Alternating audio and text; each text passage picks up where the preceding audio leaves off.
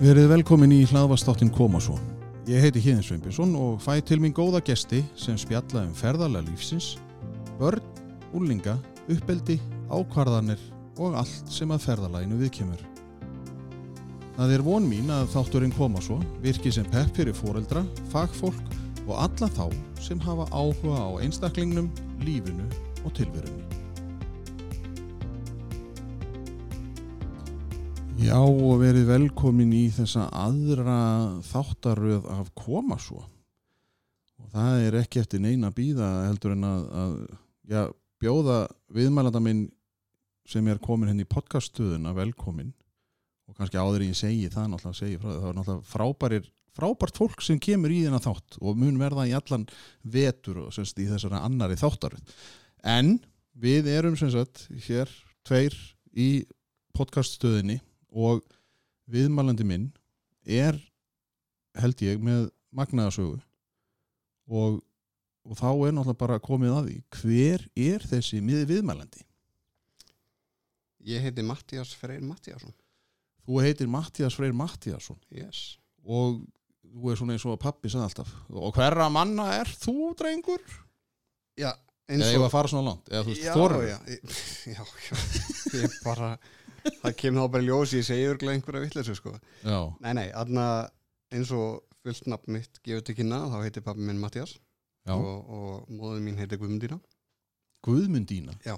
er það þá er, svona að því að maður er alltaf að skoða hérna mokkan og svona Já. ákveðna síður Já. og það er bara ákveðið fólk sem heitir sem sagt, með svona ín á, eða þú veist, kemur hann að vestan frá vestfjörðum uh, eða er ég að alhæfa Já, sko uh, Móður afi minn var af Vestfjörn já þannig að, að það er, na, nafni gæti komið það Já, getur komið það sko. En ég ætla ekki að segja að ég viti það nákvæmlega En það er svona, mér, grunar það að það geti alveg komið að við skulum vona mamma ég hlusta ekki á þáttin þá verður þú tekin á teppi og bara hvað er þetta? Já, já, ég, þú veist, banna að koma í fjölskyldubúð og fleira sko. Þannig að, Já, þér er fyrir ekki, ég myndi ekki einu svona eitthvað amma hér og mamma, ég held að myndi drepa mig sko.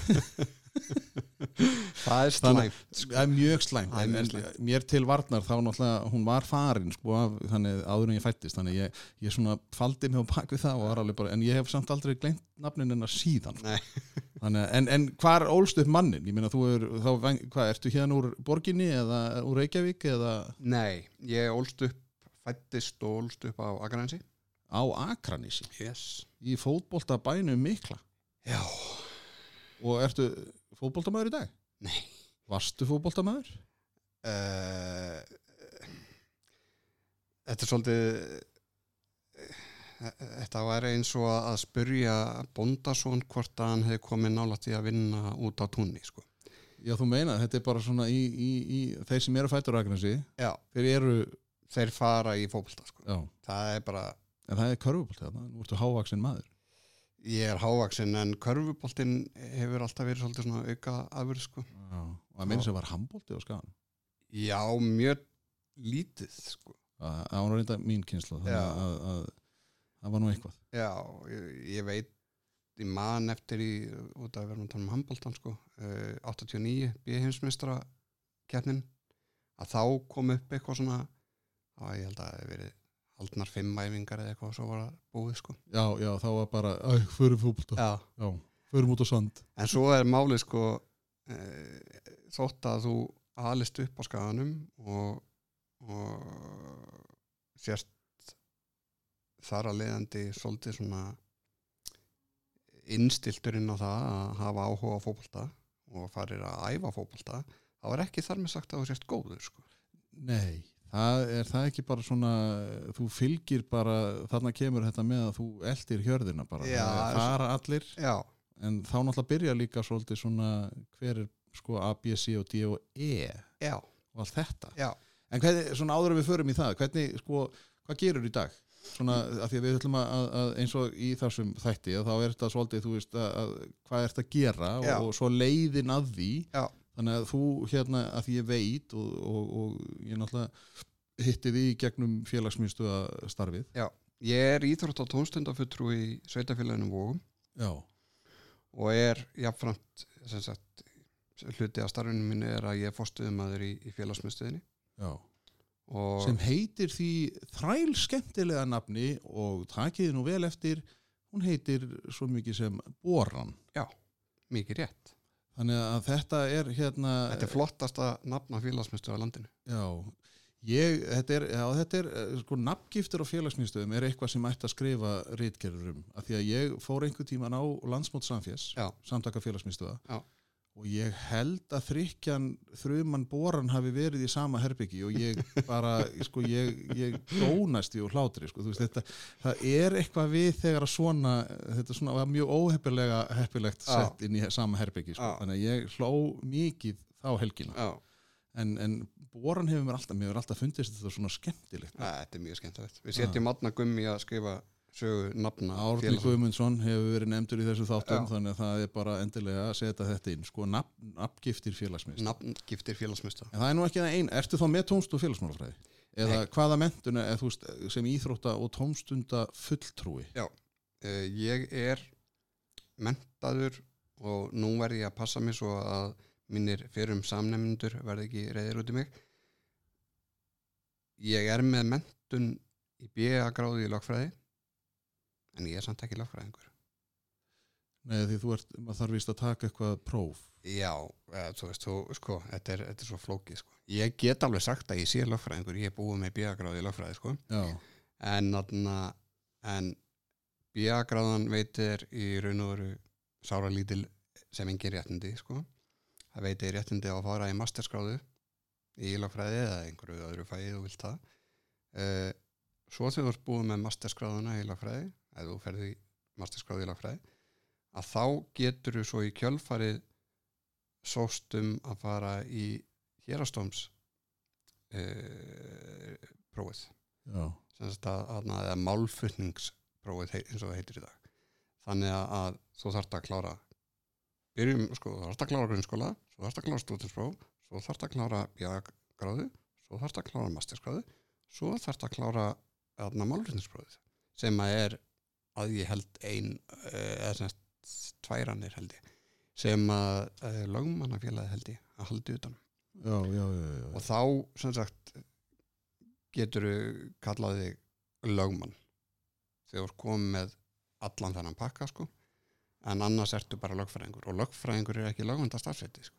Nei, en lögmaður er það sko. En, en lögfræðin geti ímyndað mér er svolítið gott og, og svona nám bara eins og stjórnmálafræðingur. Eða þú veist, þetta er svona góð, góður grunnur og, og að lesa svolítið á milli línana jú, og aðna, ástæðan fyrir því að ég valdi eða semst endaði í lögfræðinni var að að þetta er svolítið bara ef þú hefur gaman af hvað við segja, annars við að svona þjóðfélagslegri umræðu og, og svona skoðunum tengdum þjóðfélaginu.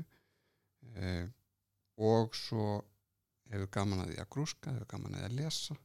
Og að þú ert eins og ég er og hef verið bara í langan tíma svona dómaperri að fara á netið og lesa dóma að þá er lögfræðin mjög mjög áhugavert viðfangsefni.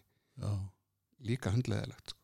Að, eh, Ég, ég, ég, ég sopnaði næstíði bara yfir þegar þú varst að útskýra hvað það var sko. en ég vaknaði þegar þú sagði dómaperri sko, af því ég var alveg, það var eins gott þú var, varst ekki með vittlu svona bókstað þarna í þessu þannig að það er alltaf gaman það er alltaf gaman að vera svona eh, þú veist, hvað maður er snöggur að vakna sko, Já. þegar maður heyrir eitthvað, eitthvað öðruvísi en nú Mhm. erum við eiginlega að byrja þér á mögulega endan já, já, Verði, sko, nú skrúum við aftur. Nú, það er bara, Já. nú erum við komin að hennar Akranissi og, og þú hérna náttúrulega bara fæðist og, og svo er það væntalega brekku skóli, nei. Það eru tveir skóla grunnskóla á Gransi það er annars vegar grundaskóli og svo hins vegar brekkubæðskóli hann var ekki til, annar var ekki til þegar þú varst upp á skaga. Jú, jú, nú, ég gekk eða báða sko. Nú?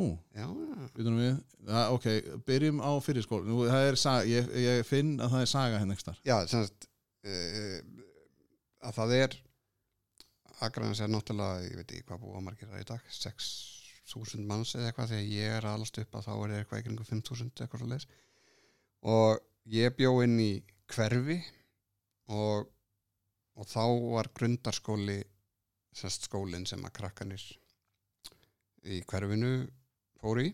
Já, og svo þegar ég er að ég held 10 eða 11 ára að þá flytjum við úr hverfinu og flytjum sérst, í raun og í hinn enda bæjarins. Og þá er brekkubæðaskóli sá sem að tekur við nefndu þar.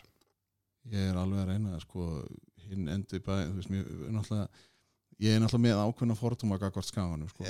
Því að ég er, hef nú komið inn á það í þessu þáttum að ég er mikill bliki. Mm og kona mín spilaði með breyðablík á sínum tíma og við þurftum að keira var náttúrulega fyldi sinni spúsu. Jú, jú. Og við þurftum að keira kvalfjörðin og, og þetta var kvöl og pína að fara þarna. Mm það var alltaf rók Nei.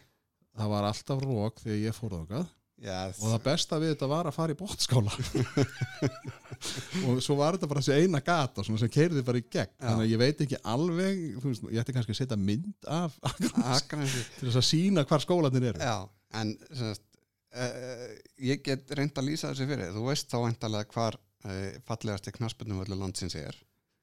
Já, langisandur, mm, rétt já, hjá þar. Er, er, rétt, hjá- er rétt hjá langasandi sem er fallegasta strönd landsins já, að, að þar rétt hjá er grundaskóli já, hann er, já.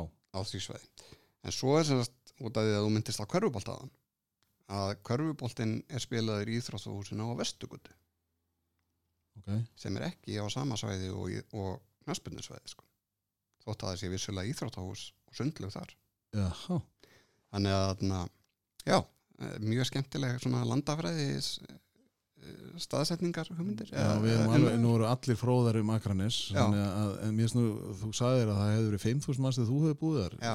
og núna bara 1.000 þannig að- nei, hvað- 6.000 Nei, 6.000, að Já. það er fjölgaðið 1.000 frá Já. því að kvalfyrragöngi komu Já. Mér finnst það nú bara ekki neitt merkilegt já, Þú ég, ert að, ég held að Það byggu gæti- ekki, bara 1500 þú já, 5 Já. Nei, það Ég- gæti verið að þeir séu að nálga 7000, það gæti verið ég, ég bý ekki þar, ég hef ekki búið þar í mörg mörg ár þannig að, en, þú, en þú lítur á því sem skagamann eða svona, já, þú getur tekið skagan eða sem strákin á skaganum, ekki skagan á stráknum sko. já ok, það er bara þannig það er Já. bara, þetta er bara svona hardcore það er bara þannig, Já. þetta er bara, ég minna þetta er bara eins og þú veist, þeir sem að búa eða hafa búið í breiðaldi eru breiðaldingar, skilur Já, ég er svona, ég Það er bara, þetta er bara sama, sko. skil þetta sko. Kópavói koppói En ok, þannig að þú ert í, í, í, í grundaskóla þá fyrstu í fyrsta til hvað, fymta bekk eitthvað já, eitthvað sliðis Svo ferðu í, er þá brekkubæðaskóli upp í tíundabekk? já, brekkubæðskóli bara frá fyrsta upp í tíunda, sko. Ok, og var grundaskóli það líka? Já. En, og, og er það ennþá í dag í dag, veistu mm það? Ok, þannig að það er, ok, það er náttúrulega þá hlýtur náttúrulega að vera svolítið mikill fjöldi af börnum. Já. Það hefur þá verið mikill fjöldi af börnum. Og hvernig var svona að vera fótboltinn og kontur nú með eitthvað svona, eitthvað skemmtilegt? Hvað gerðist nú í fyrsta til fymtabæk? Manstu það? í... Varstu, varstu ljúfur sem lamb? sko, ég er yfirleitt alltaf móður mín myndi segja það að ég hefði verið ljúgur sem lamb uh, En viniðinir? Uh, ég er ekki viss. Það er yfirleitt svona að maður er á heimilin er Já. alltaf þessi sín heldur en utan heimils. sko, ég er náttúrulega uh, var, ég er, er orðin skárri í dag töluvert skárri í dag skulum orða það þannig. Uh, ég var óþálandi ég var, ég var mjög aðteklisjúkur Ok, og og, og væntanlega hefði ég fengið greininguna með ofvirkni og aðteklisprest sko. Já, uh, og ég ég minnist dætt eh, sko að, að í fyrsta bekk til dæmis að þá aðna ákveðum ég og, og bekkjabróðum minn að bara við nefndum þess ekki og fórum úr skólanum og fórum hans og fengum okkur ristabröð sko. þú veist það, það mátti víst ekki. Nei, já, já, það, já, og það var, þá getum við sagt eins og krakkandi segið það, það var sagt mér að það, já, það var enginn sem saði mér. Nei. Og, og ég aðna og sem segir kannski mikið til um hversu mikið maður hefur þróskast sko, að aðna að ég að það er þarna ég er að reyna að passa að vera ekki með híkvart en, en aðna þetta er í fyrsta bekk held ég alveg öruglega og það er verið að tala um smáfuglana. Og, og kennarin er að tala um segir svo snjótitlingur. Já. og þú veist hvað gerir sex ára bann skilur Eh, klárlega. Hann fer að hlæja. Já, já, og kennarinn fannst það ekki fyndið. Nei, nei, eh, henni, henni fannst það bara alls ekki fyndið. Nei. Og bað mér um að hætta. Svo og þú veist, þegar mann er sagt að hætta að hlæja þá er það svolítið erfitt það líka er sko. náttúrulega bara að kasta ólíu á eldinu Já, ekki? þetta já. er bara, maður byrjar bara og svo kannski hlær maður bara ennþá með og, og svo segir hún aftur snjótillingur bara stuttu seinna sko. og ég, ég sprakk og lótri og ég, ég fekk, þá var ég slegin í hausin ha, já, var hún þá bara með kennarprikið eða var Nei, þetta reglustika ég man, ég ætla ekki að að segja er ekki að alhæfa? Ég ætla ekki að alhæfa hvort það hefur verið lóin á henni eða bókið eitthvað, hún sló mig svona í nakkan sko. Veitu, hvað var þetta 1910 eða hve- þú veist, hvenær var þetta? 1986 en er þetta nokkuð að því þegar þú segir þetta því þá maður, sko, snjótillingur í sjómarsögun er náttúrulega bara það fyndnast orð. Þegar að Edda Heiðrum Bakmann gat ekki alveg hún gat ekki sagt þetta í, í, í skaupinu. Þannig að varstu nokkuð með að var- fórstu nokkuð að hugsa um þetta eða var, ekki, eða var kannski ekki það sem kveikt í þér? Nei, mér fannst það bara eitthvað fyndið sko. mér finnst það ennþá fyndið eins og, og heyri sko. Er já, já þetta, Ég fer alltaf, því ég heyri þetta orð þá fer ég alltaf að hugsa um Eddu Heiðrum Bakmann Já. Af því að þetta var bara þetta er bara mesta snild sögunar hvernig hún sko og Erna Árnason Já. snjó tillingur og, og hvernig hún Já. alltaf bara gat ekki gat ekki sagt það. En, en upphóst á ferillin eh, til dæmis voru tíðar heimsóknir, nú segir þú sjálfur þú myndi vera greindur með aðtiklisprest og ofvirknu og hvað nú allt þetta heitir. Já, uh, hlósta snjótillingi já, og upphóst á margar ferðir, varstu tíður gestur hjá skólastjórun? nei, Varstu á, varstu á, á nafnaba, svona, voruð þið vinir? nei.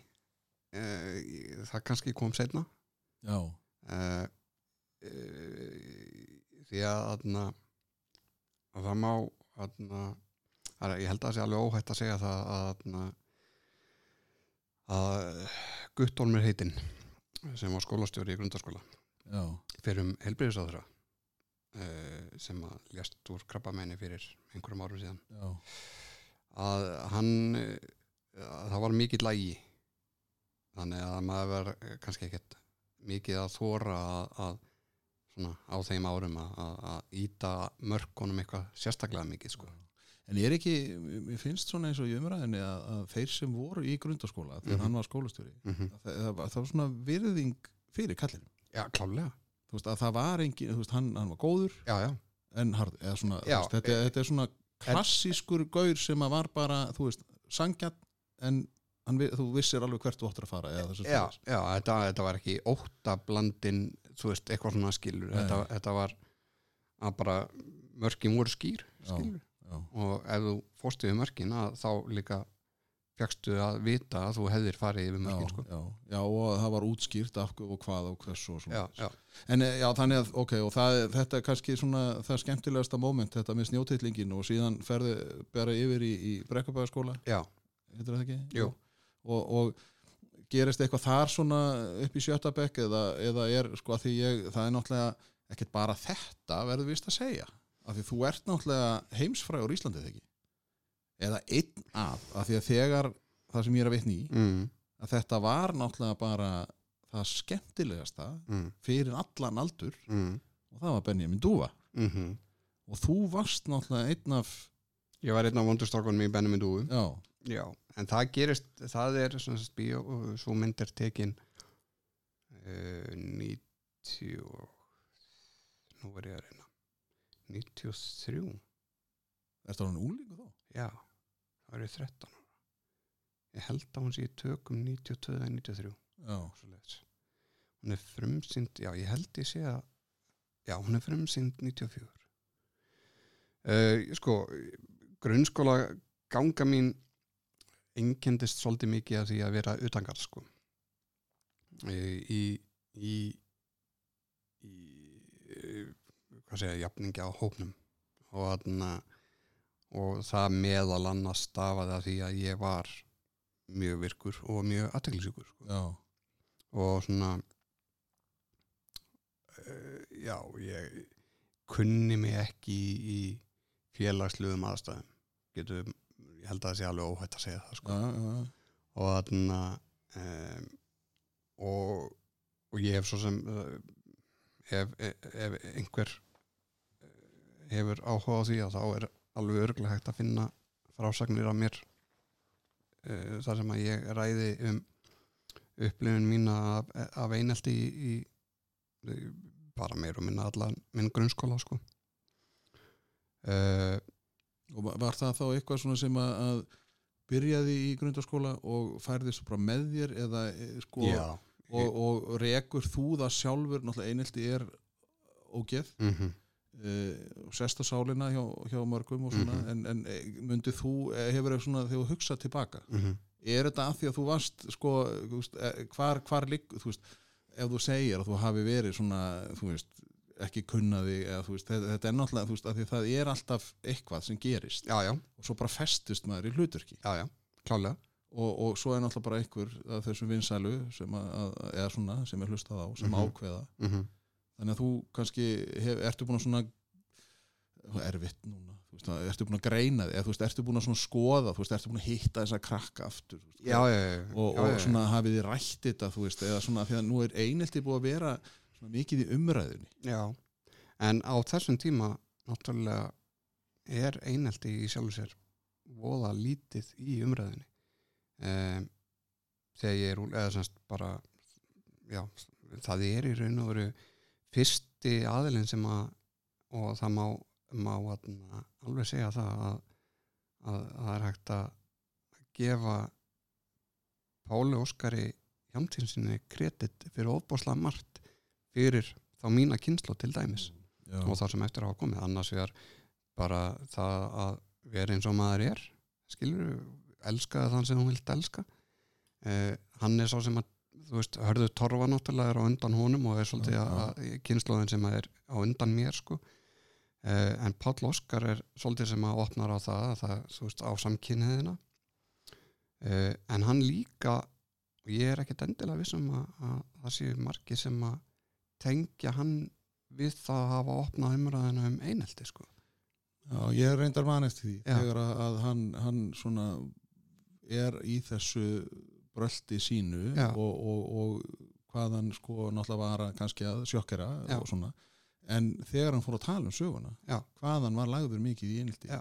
af uh, skóla, samnefndu sínum veist, í, í hagaskóla og þetta þessi, að þetta var bara, fyrir hann var þetta mjög erfitt. Já.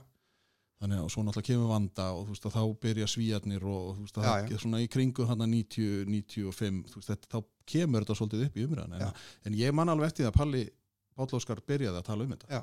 og það var, en það var svolítið svona þú veist eh, þegar, þegar ég er 16-17 ára skilur, ég ég hafði aldrei einhvern veginn ég, ég, ég kunni ekki hugtækið yfir það Nei. uh, og svo náttúrulega kemur Stefán Garl í kjölfarið einhverjum ára setna sko. uh, Já, og hann var nú heldur betur já, virkur og, og, og, og líflegur og gæti ekki, örglega ekki þaga Nei, uh, bara potið ekki Já. og hann lýsir því bara sjálf, lýst Já. því sjálfu sko.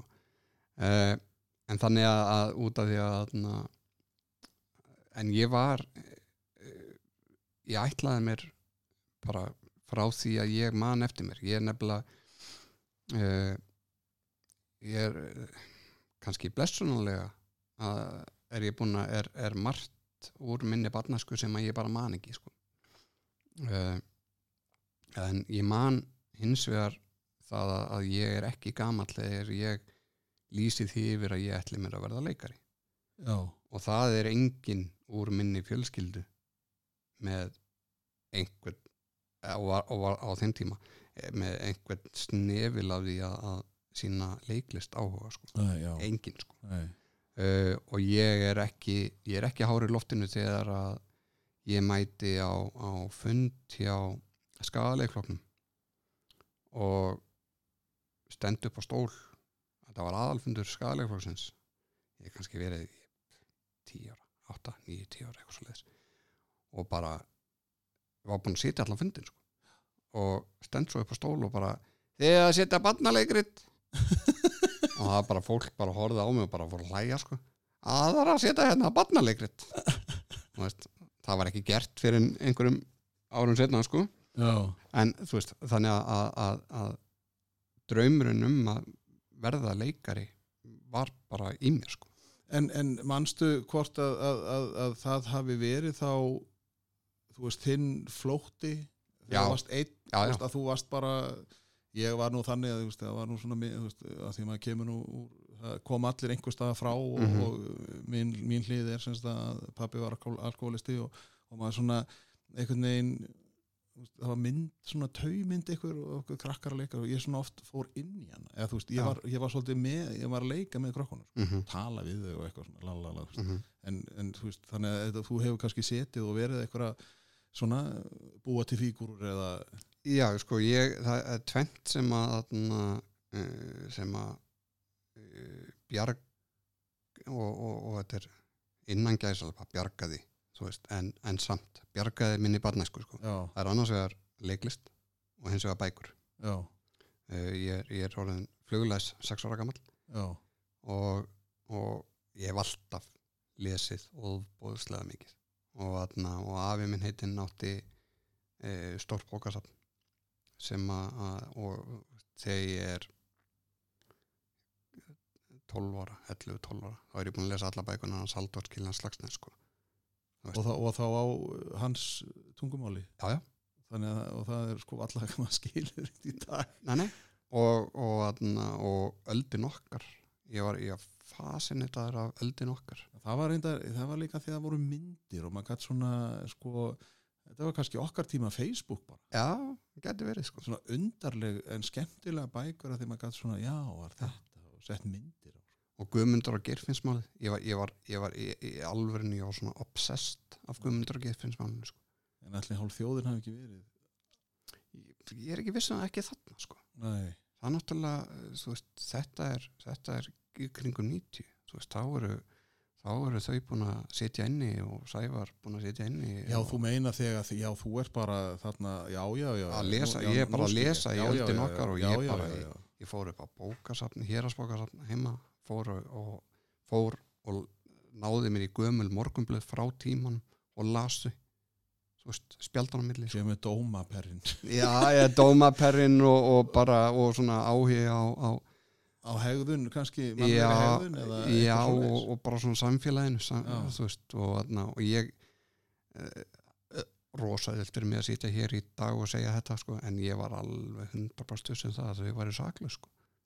Já, að, bara alveg, alveg Já, 100 já. og, það, og það var enginn sem var að ræða það á þessum tíma sko. nei, nei, því það er náttúrulega vildu held ég allir bara fá sekt. Já. Það var ekkert annað, sko. Þetta var bara, þau voru bara þarna og Já. þau voru bara dópistæri náttúrulega veit mann ekki alveg en, en maður bara svona undrast hvernig, sko, hliðin er í dag, eða hvernig þetta hefur verið, sko. En þannig að þessi leikar í þér, mm -hmm. hann hefur verið sterkur og Mhm. þú hefur notað hann kannski til þess að þetta hefur kannski verið svona það sem að kannski að bjarga þér eða survival mode kannski svona eins og maður oft talar um að Já. það er eitthvað svona sem að setur eitthvað í gang þegar maður er í, í erfileikum Já. en, en va, sko ekki það að svo náttúrulega endarðu væntalega þá í Benjamin Dúfu já, ég atna, Ertu þá uppgötar upp á skaga eða fórst í pröfu eða hvernig, sko, veist, þetta er náttúrulega bara, sko, mann hefði nú, sko, já, gefið nú hálfan handleik fyrir að vera með að þetta var rosalega skemmtilegt verkefni. sko, Benjamin Dúa er að mínu mati ásamt kannski svona þreim til fjórum bókum eh, besta bók sem að hefur verið skrifið fyrir börn á Íslandi. Eh, og ég veit ekki hversu mikið ég eða oft ég las hana. Ég bara stórkostleg bók, stórkostleg saga. Hver skrifaði hann aftur? Elson Já, og, þarna, og ég sé í sjómansfréttum að og þarna og það hefur ekkert farið frá mér. Ég, ég er frétta fíkil sko. Og ég sé í sjómansfréttum að, að þeir hafi fengið vilirði frá kvikmyndasjóð við að gera kvikmynd eftir handriti Friðrik Sælingssonar byggði á bókinni Benjamin Dúi og ég fór, þarna voru til tíkallasímar Aha. ef einhver sem er að hlusta sem veit ekki hvað tíkallasími er að þá er það svona sími sem er einhver staðar í bæ eða einhver staðar eða á pósthúsinu eða eitthvað og þú setur tíkall þá getur hring Já, og snúningsskífa, við skulum ekki gleyma og því sko. snúningsskífa. Já, og hann, er, hann hangir upp á vegg hann hangir upp á vegg úr svona járnkassa og ég sem sagt aðna lappaði fór í tíkallasíma var búinn að finna Friðrik Gallinsson í símaskroni og ég hringdi heim til hans og sagði bara að ég er hérna búinn að lesa bókina ég sá frétt hérna og mér langar að leiki myndinni þinni. Og hann tók mér afskaplega vel og sagði að hann væri nú ekki að búa til myndina sjálfur en það væri þarna kvikmyndaframlegandi og, og það væri leikstjóri og, og þeir væru myndu vantarlega fara og setja einhverja pröfur í gang einhver tíman Og og hvað ertu gamall þegar þú ringir í Friðrik? ég verið svona 11 ára cirka Þannig að þú hefur bara sagt, er er bara reikin áfram að þessari þörf eða þrá að verða leikari Já. að þetta bara, þetta ætla þú að vera með í. Það er bara uh, ég, ég, það, er, það, það, það er svona það er ekki nú er ég að reyna að orða þetta rétt. Ég brann af líf og sál í mörg mörg ár fyrir því að verða leikari. Já, og, þarna, og ég sem sagt það sem að gerist svo í kjölfarið er að, að, að ég sá ég held að ég sé að fara mér rétt mál að, að ég sá auglýsingu þar sem að var verið að óska eftir leikurum í kvikmyndarum með Benjamin Dúu. Og ég eða hvort að ég hafi bara hringt í framleganda það getur verið líka að ég hafi gert það. Já, já. Uh, og ég sem sagt enda á því að ég fæ að fara í pröfu og tók þá Akraborgina til Reykjavíkur Akraborgin var sem sagt bátu sem að silda milli. Það er svo gott að tala við svona þegar skýfi sér þetta er ný, sko, svo hljómar þetta eins og þú sért nýraður er, Já, það, já. þú veist, vitið með það, því þá fer myndaður upp á, á, á fjersbókar síðu koma svo, þannig að fólk ára að byrja að þú lítur náttúrulega út fyrir að vera 25 sko. Já, takk. Já, ég er náttúrulega 29, þannig að þetta er en það er sem sagt komið skífusími og tíkallar Mhm. og akraborgin. Mhm. ha, ég legg ekki meira á okkur. Ha, sætla minninga Akraborgin sko. Hvað, það tók klukkutíma að, að segla yfir? Já, klö, já svona 40 mínútur. Klukkutíma cirka og þarna ég fer uh, í pröfu uh, og og svo er bara hringt uh, ekkert lungu setna og mér bóði hlutverk uh, og mikil vonbreið ég fekk ekki aðal hlutverki já, uh, sem að segir til um hversu grandiós hugmyndir um sjálfa mig að ég hef alla tíð haft að sendist það kjánalegt að ég fengi ekki að vera Benjamin eða Róland eða þú veist, Baldur já, já, góð og gengið þannig Já. já. og þarna en ég var sem sagt einn af e, þeim sem að, að eða sem sagt var svarta fjöðurinn sem voru vondurstrákanir og þarna og við tók sem sagt æfingatímabil þar sem að við vorum e, í það sem að í hérnshúsinu fórum í gegnum skilmingaæfingar og, og fleira og fleira. Hrikalega skemmtilegu tími. Já. og svo tóku við tökur uh, í mann einhverju dagar sem að ég var í tökum. Uh, og næturtökur fullt af næturtökum. Og á sama tíma sem sagt er ég að uh, leika aðalutverk í, leikriti hjá upp á Skaga og svo að var skólinn svona side project já, hann alltaf var þarna bara að hann bara var þarna Mættur þá bara til að fara að sofa eða? e, já, eiginlega sko. þú veist, það er bara, Já. þú geispaði bara og teknaðir augu opinn á þig og, og hallaði þig. En ég minna, var þetta þá ekki, sko, ég varst ekki ánum þreytt, eða þú veist, hvernig var leikstjórun heitir, Gísli, Gísli Já. þannig að þetta hefur verið, veist, þú hefur, þetta, eru þið ennþá í sambandi strákandir? nei, nei, Fór það bara, eða? já það eh, fór mjög fljóðlega náttúrulega svolítið öðru í sér tíma sko. í, í dag, þú veist Facebook og allt þetta skiluru og gemsar og eitthvað svona sko. að, maður hefur þurft að senda brefdúfu á þessu tíma leikuði sko. Þú veist, brefdúa sans fugg sem Þetta er, maður verður að vera með svona þetta er svona, svona neðanmáls svona eins og í lagsnes, það er bara, já þetta þýðir. En, hva, en sko tó, hvað tók, þá var þetta bara sumar eða, þú veist, varstu þrett, hvað, 13 ára? Já. Já, ég er þetta er 13 ég er náttúrulega, ég á ammæli í februar sko. En þetta, þetta var að vetri til. Var myndin tekin upp að vetri til? Já. Mér varst alltaf vera eitthvað svona Nei, hún er tekin náttúrulega yfir aldrei langt tímumbil já, já, já, já, já, já. uh, en já ég, ég hugsa út að hún er fremsýnd samt að 94 þetta hefur verið 93 já. og þá var ég bara uh, uh, pappi minn átti frængu sem að leiði mér að vera hjá sér hérna í bænum já. og meðan svona stífustu tökunar voru og svo sagt, fór ég heim og, og, þarna, og svaf og tók svo bátinn upp á skaga og þú veist fór á æfingar fyrir leikriti sem að ég var svo að fara að leiki sko. Og hvaða leikrit á það? uh, það hétt Mark sem kemur á orð Og um fótbolta? Já. Kannski gatt verið Mark Twain, sko, ég maður veit aldrei, sko, nei. þetta, þetta er svona margar tilvísan, sko. En, en er, er, þegar þú ert í þessu, þú ert, þú veist, og þe- þetta er náttúrulega, og mikill tími fyrir í þetta. Já. Hvernig varstu þá, sko, espaður þá upp í hinum, ömundsíki, sem að var til þess að þú kannski fegst meiri, svona lendir í meira einildi, eða þú veist, man, manstu hvernig þessi tími var?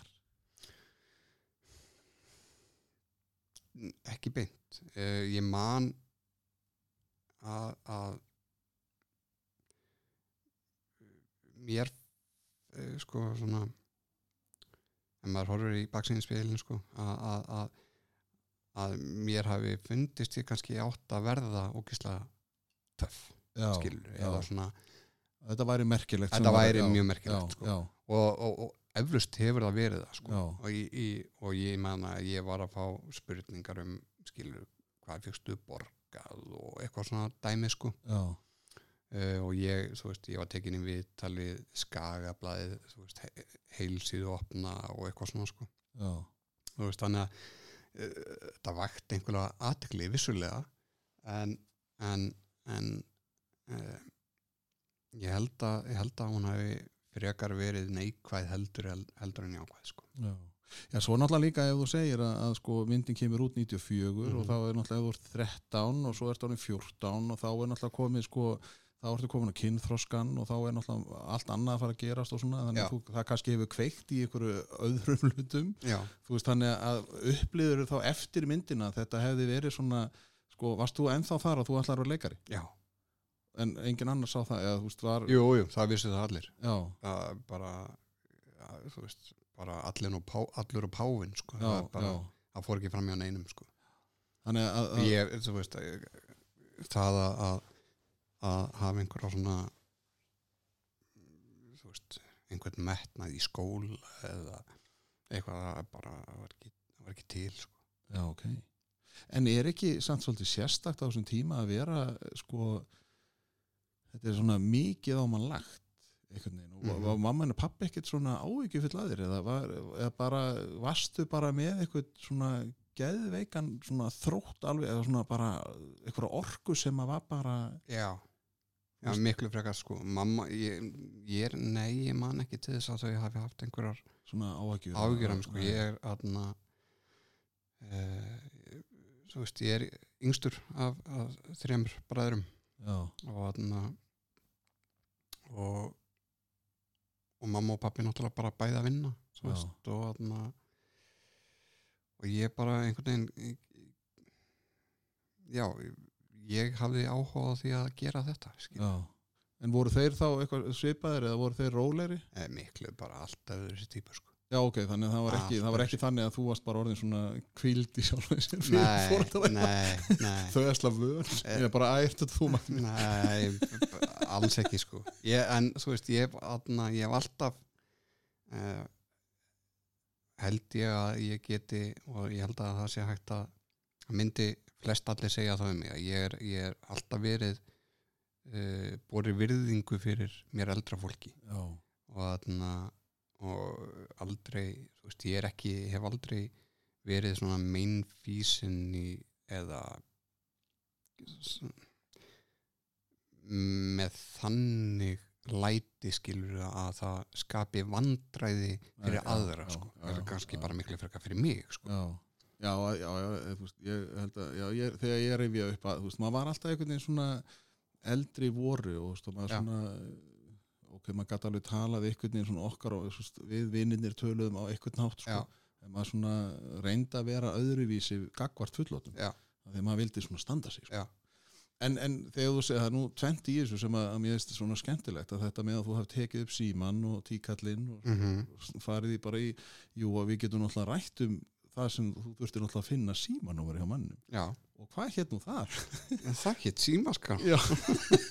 það sem allir einstaklingar Íslands voru bara í sem höfðu símanúmer já, meiri segja fórsetis á þeirra Já, og maður bara ef maður var, en það, er náttúrulega, nú er þetta alltaf á netinu. Já, en, en svona, sko, þegar ég horfi á krakka í dag, eða úlinga, ungmenni mm sko he- er, upplifið þú til dæmis í þínu starfi Mhm. í, í borunni -hmm. þetta, sko, þetta er svona eins og snjótillingur já. boran, já. við skulum hafa það Já. að, að sko, eru þau frökk eru þau, sko, vilja þau hefur þau upplifið það eða, veist, í þessum, sko, þegar þú ert að vinna með krökkunum, úlingunum að þau svona fái bara eitthvað hutættu eða þú veist, ég ætla og þau bara ringi eða þú veist, eru þau bara grafin í síma nú er náttúrulega við kannski eldra fólkið uh, við sem eldri en 29 Mhm. að, að, að þú veist að við erum kannski svona eða margir hafa áhyggjur að því ég er nú víst, kona mín segir að ég sé eins og bönni mín sem eru Mhm. átján sko þannig að ég er jafn mikið í símanum með þau Mhm. en, en sko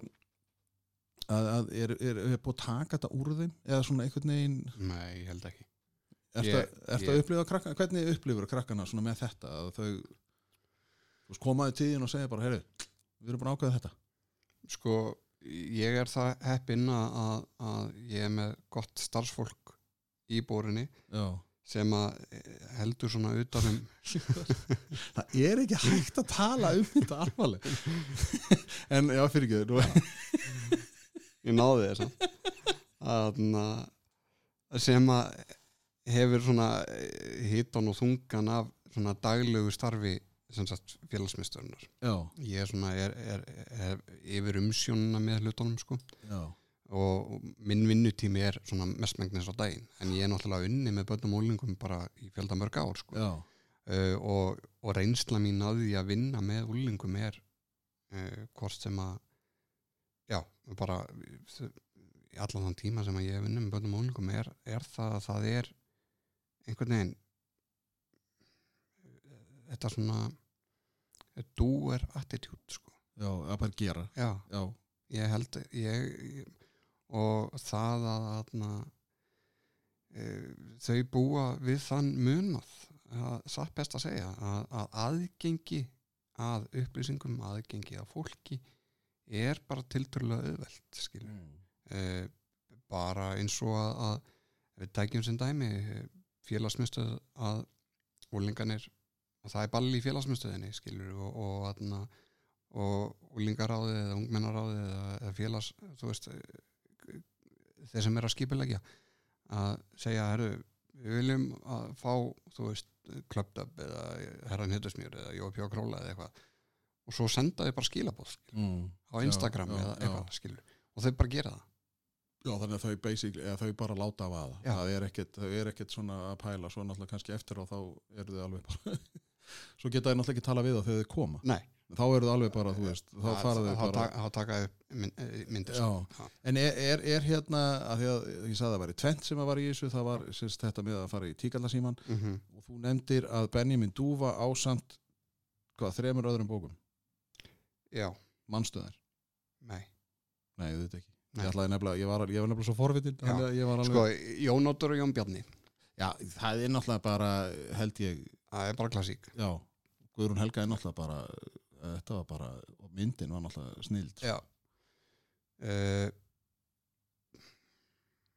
ekki það að kannski kemur þetta, þú veist við getum Já, ekki sett þetta seinna, sko. gæti velkom, velkomi en, en Benjamin Dúa vissulega út af því að ég leki svo í bíómyndinni sko, en, en hún er hún er bara hún er uh, först grift í huga mér sko. Já, Já, já, manst, ég veit að þú manst þetta svo á leiðinni heim þá alveg poppar þetta upp, þá slærði í mælaborðu og það var þessi já. já, þannig að við setjum þetta bara á með hérna í texta, Já. bara með á, á, á Já, það er bara útskýring en, en, en ok, þannig að þegar þetta er og þetta er náttúrulega heljar en ævintýri og þú ert Mm. ennþá bara, þú veist, og það er náttúrulega einhver peningur sem hefur náttúrulega já, mögulega kannski verið eitthvað bara einhverja hnetur að það hefur kannski dugað fyrir salmiaklakrís eða mm Mhm. sallakrís eða hvað þetta hét nú sko. mm að, að, að, en þú hefur náttúrulega væntalega keiftir eitthvað já, hjól eða móturhjól eða eitthvað uh, já ég kefti mér eitthvað þannig að, já og, og hérna, en, en sko svo kemur myndin Já. og hva, hvað þá?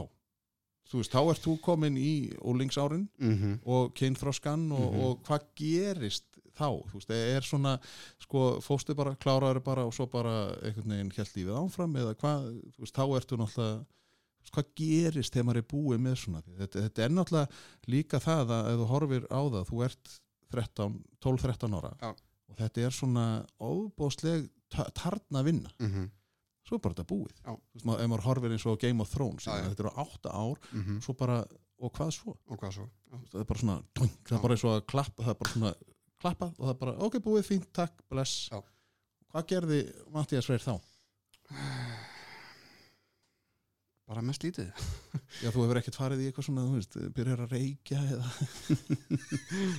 já, að fara þangað, jú, jú, ég sko nei, minna, úlingurinn Já, úlingur Mattias Freyr, ég meina, Unglingurinn Matthías eftir Freyr. Benjamin Dúfu og, og svona, Já. meina, þetta er náttúrulega þú hefur upplifað væntalega svona hápunkt lífstíns. Já, á þeim tíma, klálega já, og svo kannski gerir það sem við svona að- hvað hva gerist þegar maður er einhvern veginn í þessari boblu? Sprakk hún eða þú veist Já, myndin þú veist, er frumsýnd og aðna, uh, og svo einhvern veginn kannski sem að held ég að sé rosa algengt að, þú veist að leikara sem að kannski fá ágættir slutverk í einhverju þáttaseríu eða bíómynd eða eitthvað og svo gerist ekkert meira skilur Já. það er alltaf verið að býða eftir því að, já, að næsta, Að- næsta að- dæmi kom að næsta dæmi komi sko.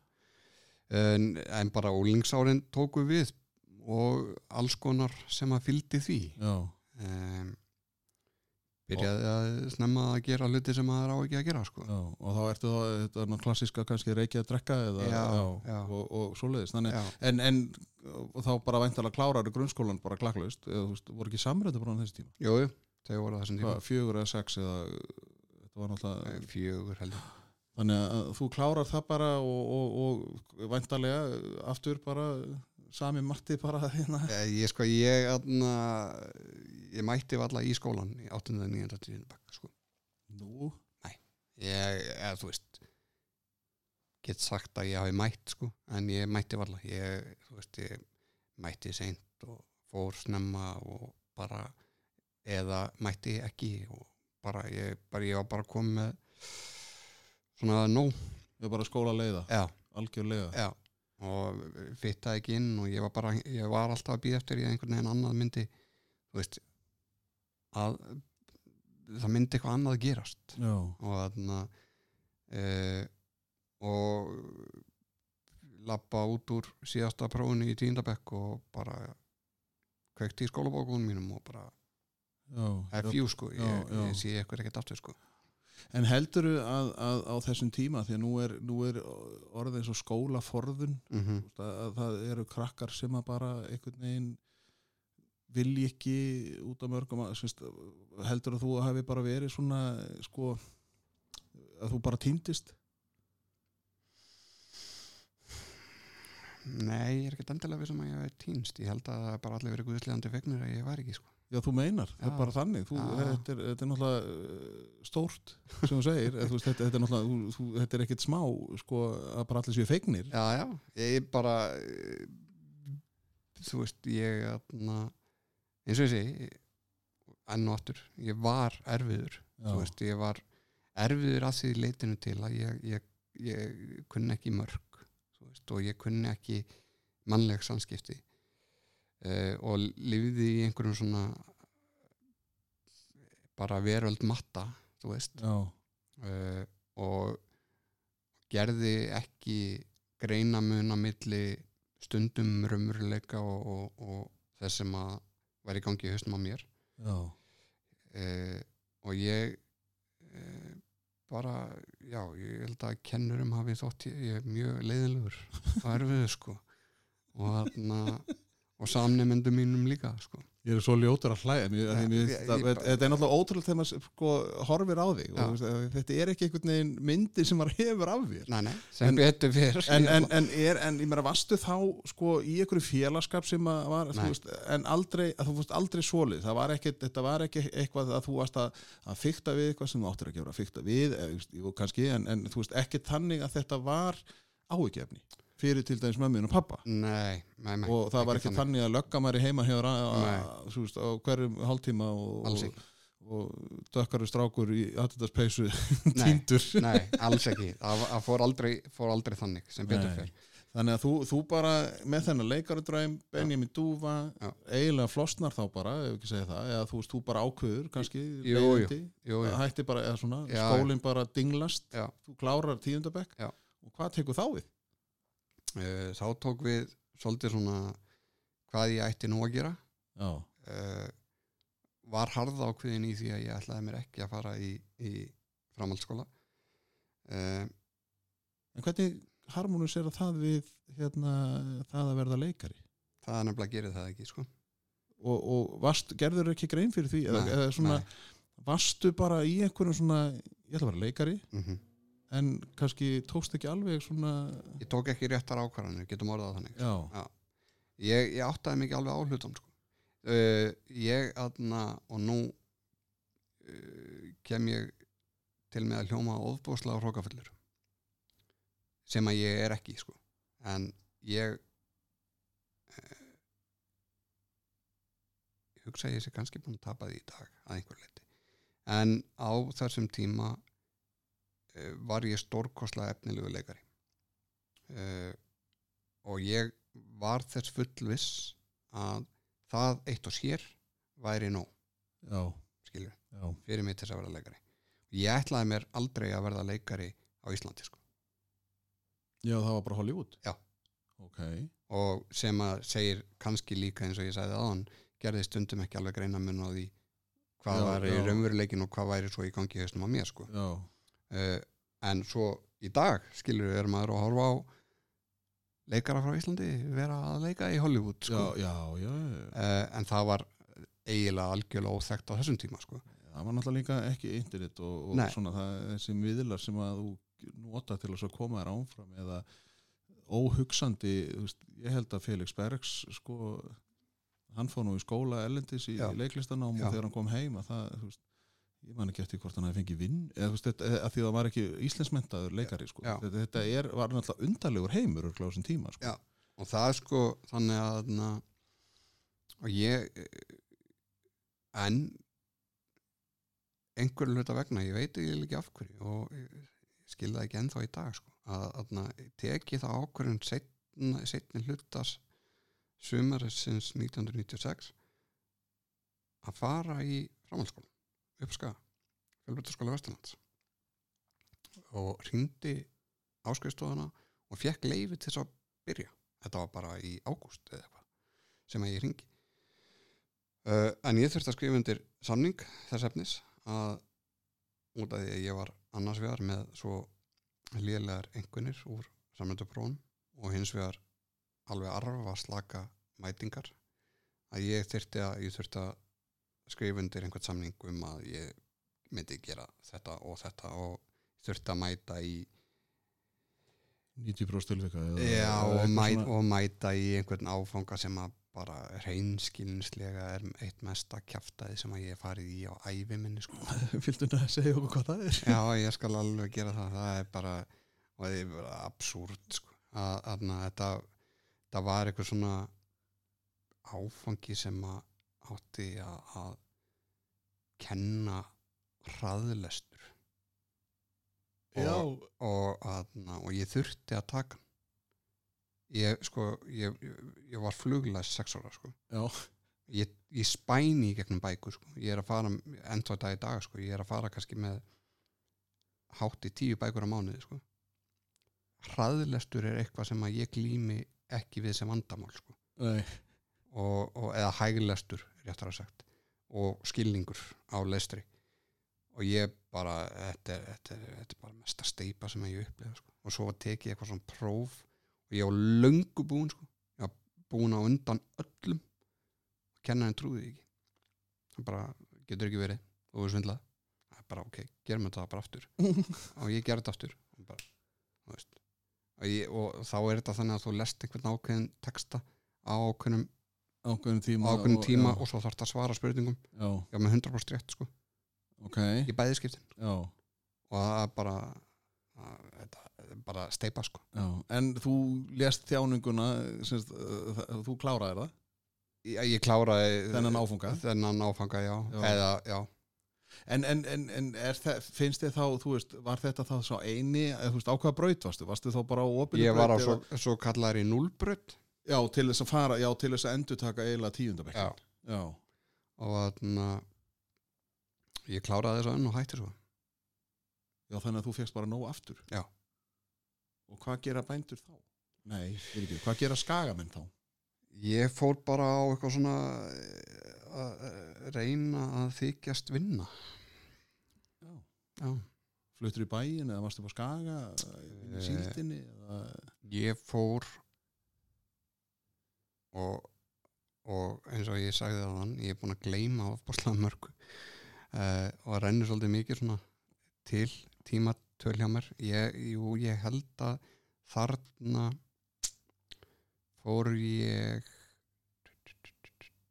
ég fór, jú ég fór að vinna í sláturhúsi upp í borgarinsi Nú, já, já. og þarna uh, byrjaði á því að, fara í stórgripaslátrun Va, hvað, jú. Já, ég fór í stórgripa. Fyrir gefið þeir sem að hlustið á þetta ég er að rifja þetta upp sjálfur meðan ég er að segja þetta. Ég fór í, í stórgripaslátrun og fór svo á sláturtíðina eftir að stórgripa þessast, þegar hún byrjaði sko. Býtu, þú ert þá 18 ára, 17 þú 17 ára. Já. Og Svo vann ég sem pizzasendir líka mjög eðlilegt, náttúrulega. já. En nei, þú veist, varstu þá hérna bara að með byssuna, eða þú veist, var þetta ekki það? Er, þetta með hérna í, í ennið eða jú. hvað þetta heitir hérna? Jú, Svona, ptjúm. Já. Já, ég var, ég var reyndar ég, ég gerði það alveg líka Já. ekki mikið að því en það var svona eldri menn sem að sá um það en, en ég sá um ímist konar viðbjóð sem bara orðin það reynd útsagt Varstu þá vegan í dag? Nei, nei, nei, nei, nei. Ég, ég þarna, dáist af fólki sem er vegan eh, en ég hef enga löngun til þess að vera vegan sko. En, en ok, þannig að þú ert bara komið þá í Borganes mm -hmm. og, Keirðamilli já, og hvað helstu það út lengi? Ég get nú ímynda mér að það hafi verið pizza sendið sko lengur heldur það að vera að vinna í, í kjötiðin á, í Borganesi. Já, ég ég klára sláturtíðina 97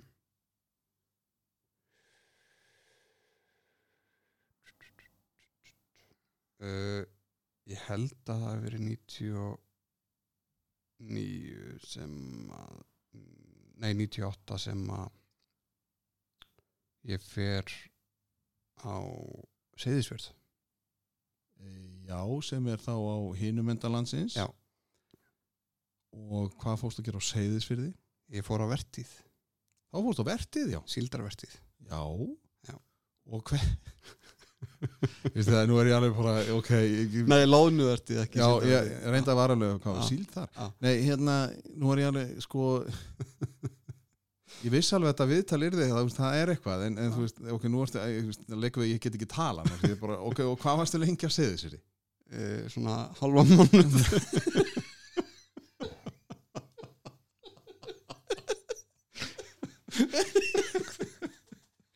Já, og það var orðið snjótillingur. ok, í tvær vikur varstu að verða loðinu og segja þessi. ég er ekki einu sem við sem að ég er náða halva mánuð sko. Já, og hvað, varstu þá komið heim frá eða? Nei, eh, þá hann shit, ég græt sko. þannig að semst ég mæti ég sá, ég veit ekki sko ég ég þarna ég lít og hef aldrei lítið út fyrir að vera maður sem að vinn erfiðir vinnu. Getum orðað að þannig. En og ég fekk einhvern veginn þá flugu í hausinn að, að það væri nú örglega góðu peningur í því að fara á vertíð. Og svo fannst mér bara frábær hugmynd að búa einhver staðar annar staðar heldur en á Akranesi. Og þangar til að ég er því fræguleikari. Eh, Ok, þú varst alltaf það í bakkan já, já, það, það var alltaf næsta skrif sko. þetta var bara svona millibilsástand sko. Veistu það, ég er alveg milla, veistu, ég, sko, ég ætla að fara að bjóða mér heim til mömmun og pappa Ég verð að fara að hitta það að ræða við og þarna og ég sem sagt, ég flýga á Eilstaði og, og þarna og þar er ég sóttur af manni sem að var með þetta sjáurútves fyrirtæki á Seyðisfyrði og ásamt einhverjum nokkurum öðrum og hann, uh, það var svona þarna, hvað er þið kallaðir svona van svona van bílar Þú vorst að tala við algjöra rata skilur. Já, já. Þetta var svona kassabíl eitthvað. Já, já, með einhverju sætum í. Já, og keirum upp á fjárðarhæði í því bara ógeðislegasta veðri sem að ég hef nokkur tíman upplifað bara held ég. Og hann bara, sá ekki næstu stíku sko, en hann keirði heiðina sko já og talaði væntalega bara um daginn og veginn já, já. uh -huh. og þarna og svo er uh, förum við inn á er, er þarna verbúð eða gisti heimili sem að uh, var búið að leia undir undir okkur og svo byrjar bara uh, mæti ég morgun uh, kl. 6 eða eitthvað og í fristjúsið og byrja að slá sagt, loðinu úr pönnum og sagði ég meir þess að kann hugtekin að það sko. Þú slærið loðnu úr pönnum já, svona pönnur skilur við á bóða Já, já, já, já, og já, svo já, já, já, já, já, slærðu já, þér já, já, já, já. og þarna tveir sem gera það Já, já, segi ég og horfi á því gera þetta Já. og fólk út í bæ, sko, það er búið að lýsa tíkalla símanum já, já. þetta er svona járplötur Já. svona þunnar járplötur sem að er búið að raða Já. loðinin í og fristana og frista og þarna og þetta var svo svo tveim, þrem dögum setna eða eitthvað svo leiðis að þá er bara uh, aflabrestur. Þannig að það var engin loðna. Þannig að það var bara fyllir í og og, þarna, og ég heppin að, að, að drepa mig ekki í ásæðisverði með því að hrinja niður einhvern skurð haugadrukkin já, og þarna og ranka við mér upp í, upp í kójunni sem að ég var með í, á gisteimilinu og, og reysi mig við og þá svona kottin fastu við andlitið á mér og bara blóðstorknaði sko. þá var einhver sem að hafi bjargað mér. Já, ok. Uh, og það liði ekkert margir dagar þannig að ég var komin heim aftur sko, með skotta á milli lappana sko. En er, er, er þá, þú veist, og hvernig var þá tekið á mótið hérna heima? Eða, þú veist, var, var þá bara, þú veist, æjæ, mati minn? Eða þú veist, hvað svona, þegar þú segir að koma heim með skottaðum millir lappana, Já. það er ekkert allir sem prófa þetta. Nei, nei. Þú ert kannski kvattvís. Eða, veist, það, Já, já, þú veist, bullandi kvartís Já, þú veist, þannig að þe- þetta er eitthvað svona sem að, þú veist, ei, já, ég ætla að prófa þetta. já, Og ég meina, þú ferð þú að já, en svo kemur þér heim og þú ert þá lurgun lamin uh, og veist í rauninni ekkert hvað hefur gerst og, og hérna voru þau, þá, horfðu þau bara og sagði, æ, Matti minn, viltu pönnuköku? Eða, þú veist, ég meina, hvernig þér? tóku þú ennþá að verða leikari þú, kannski bara verður að fara upp á skaga og ræða ég held að ég bara bjóði öðru hvort þeirra í máli bara koma hérna. Nei, ég, ég einhvern veginn held að, að þau hafi verið kannski Haft einhverja svona- bara. haft einhver svona trú á því að ég á endanum hvena sem að því yrði að þá myndi ég nú þroskast og, og verða, verða í lægi held ég. Já, þannig að þetta ævintýri, en ég meina ok, það er ekkert allir sem prófa að fara á loðnu, mm Mhm. þetta er náttúrulega bara, þú veist, þá getur þú náttúrulega sagt bara, been there, done that, já, já, gerir það aldrei aftur. þrýr dagar er meira en nóg í, í þessu lífi að að vera á, á loðnu, þetta er örglega ekki auðvelt, nei, en hvað tekur þá við? það man ekki. Þannig að og þá erum við komin í daginn í dag. Ég aðna Þú hlýtur nú að farið í skóla aftur. Nei, Ok, ekki strax ekki strax nei. Nei. Ég tók, tók við eitthvað svona flakk hjá mér. Já, uh, flutti til Reykjavíkur og fór að fór að vinna. Ég var búinn að prófa að flytja til Reykjavíkur á undan og kom aftur heim flutti í bæinn kom aftur heim, flutti aftur í bæinn. Uh, fór að vinna hjá Íslandsposti sem bílstjóri uh, svo uh, svona já 2001 snemma ást 2001 að þá svona er ég, er ég komin á, á stað í lífinu sem að var ekki ekki góður. Uh, og sem að í raun og veru endar með því að að, að, að ég er í raun og veru bara fluttur aftur heim til fóraldara minna.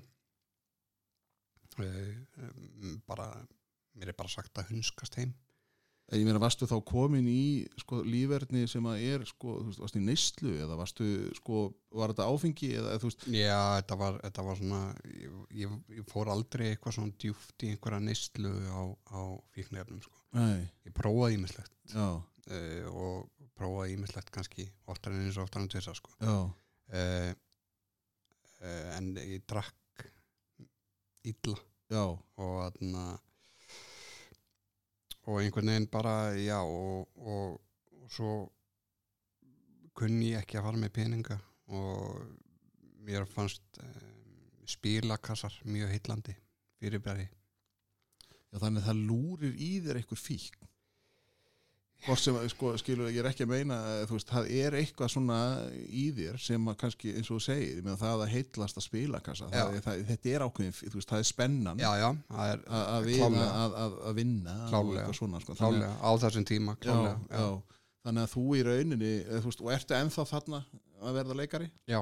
Uh, ég prófa þarna í fyrsta skiptið að sækja um í leiklistaskólan uh, sem að þá hétt ég er alveg held í að þessi alveg ekki að ljúga neinu.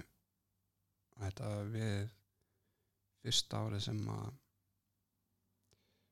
listaháskólinn var til, held ég.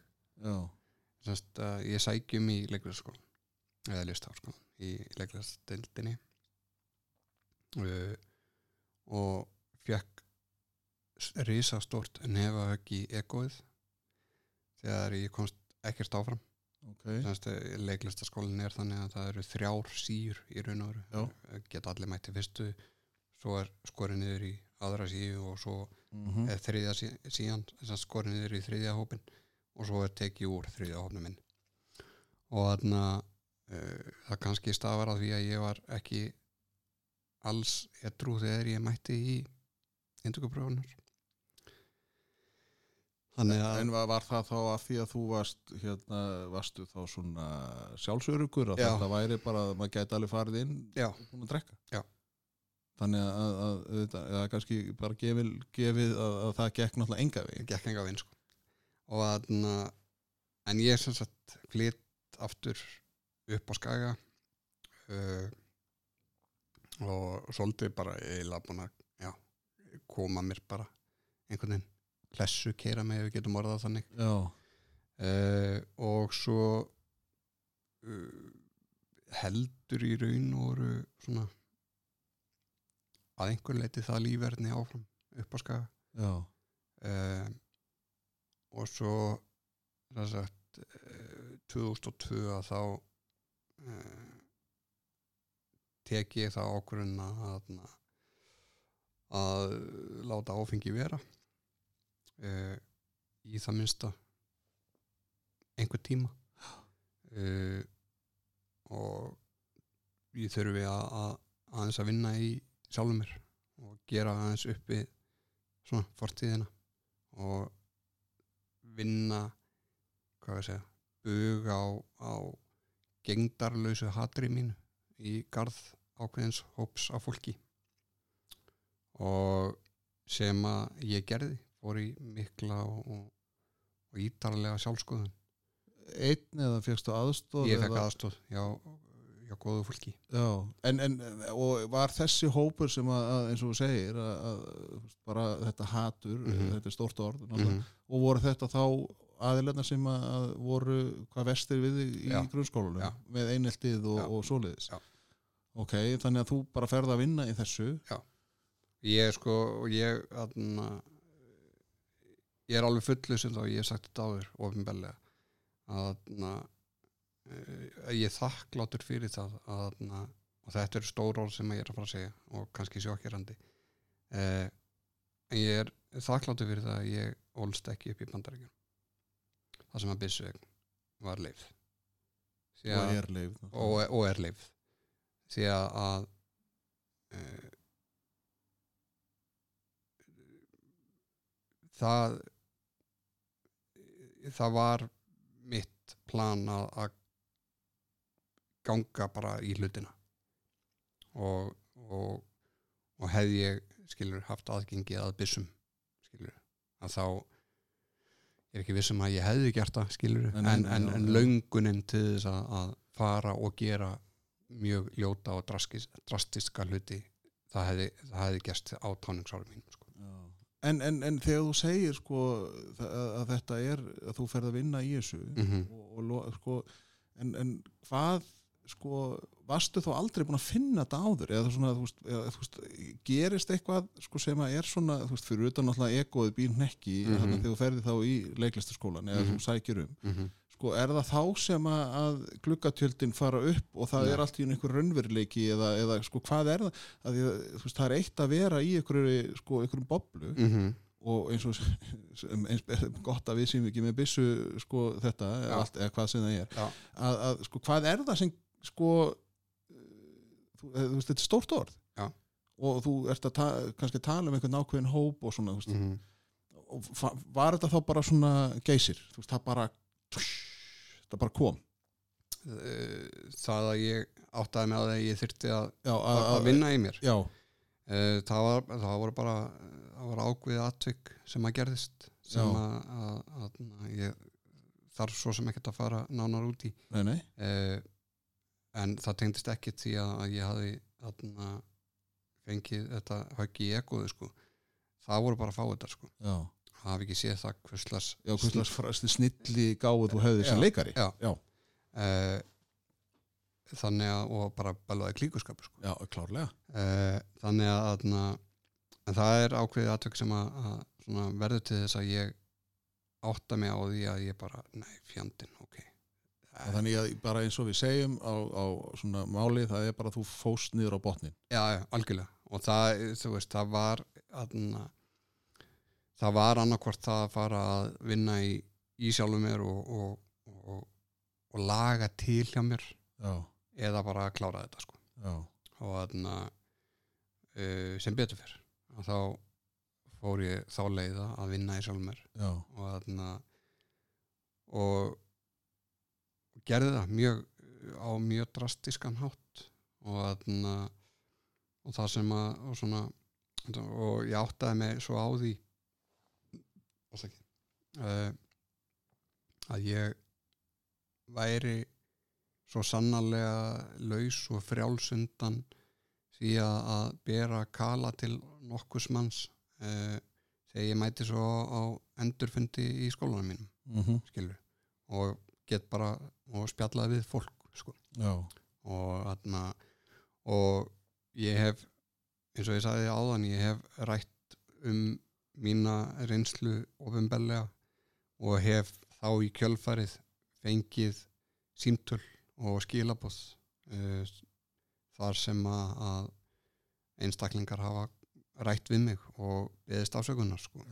Og ég hef ekki tilgangur minn þegar ég hef rætt um mína eineltis reynslu hefur aldrei verið sá að áta einhvern eða, eða að ósk eftir því að ég fá einhverja meðöngun eða, eða einhver byði mig afsökunar skilur það er, það er þá bara einhver svona auka afurð að því að, að ég tjá mig um hlutina sko. já.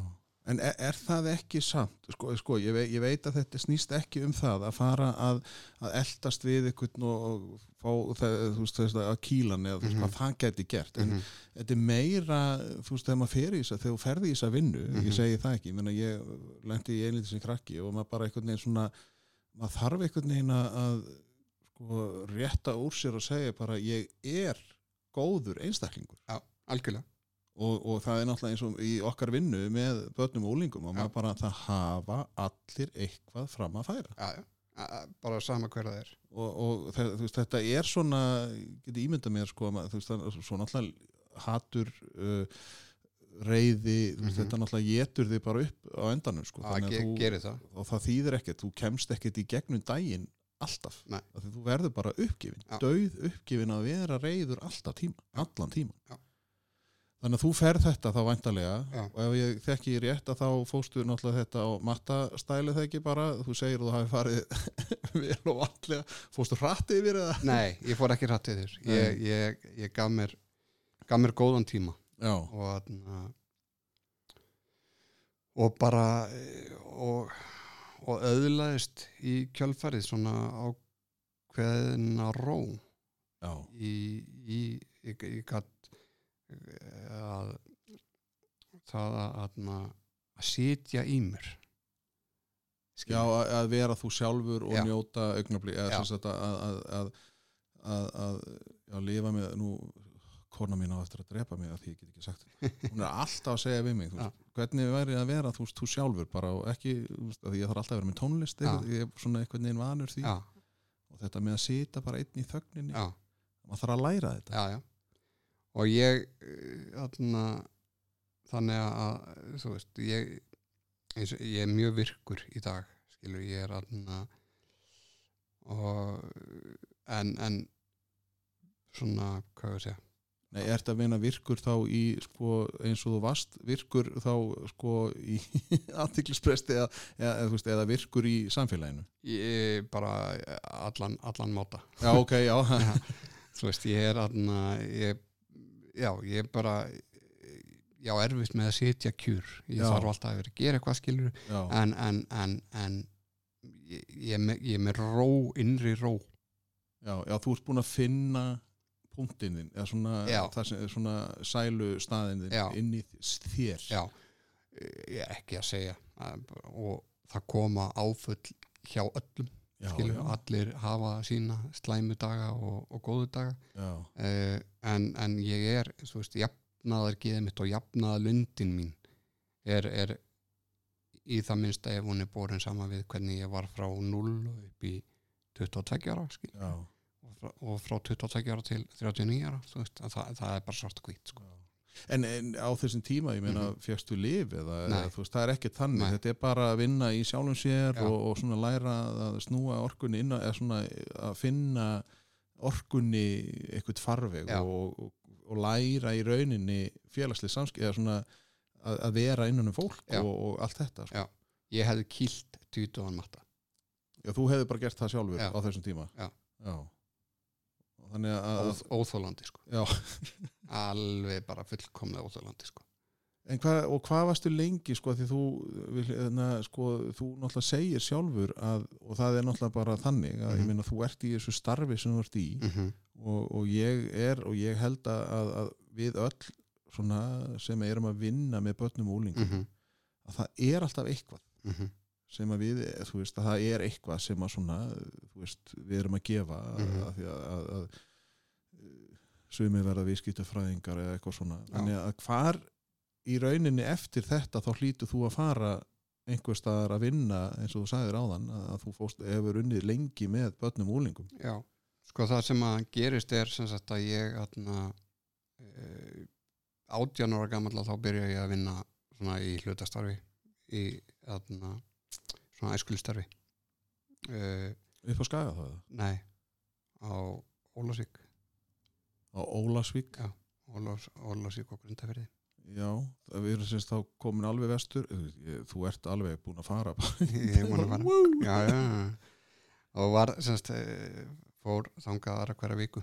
Eða semst e, um að helgi til. En æskulistarfa, veist var hann, við um KFMK ok, já, og, og var það þá, varstu ráðinn eða varstu þá bara var Það var- KFM og K sem sagt, þitt kannski haldreifi þannig svo, þú veist, ég gleymd að spyrja um Arnadal mm -hmm. þegar þú varst úlingur, af því að Mhm. Arnadalur var náttúrulega í geggjuðu húsi á Akranissi og er í geggaði aðstöðu í dag og reyndar, en Já. það er bara ekki það sama Það ekki það þetta, sama. þetta var bara einhvern veginn svona e, maður hugsa bara um hans og Gretu eða, Mhm. þú veist, þetta, þetta er bara eitthvað svona hús þetta var svona ævintýra hús Já.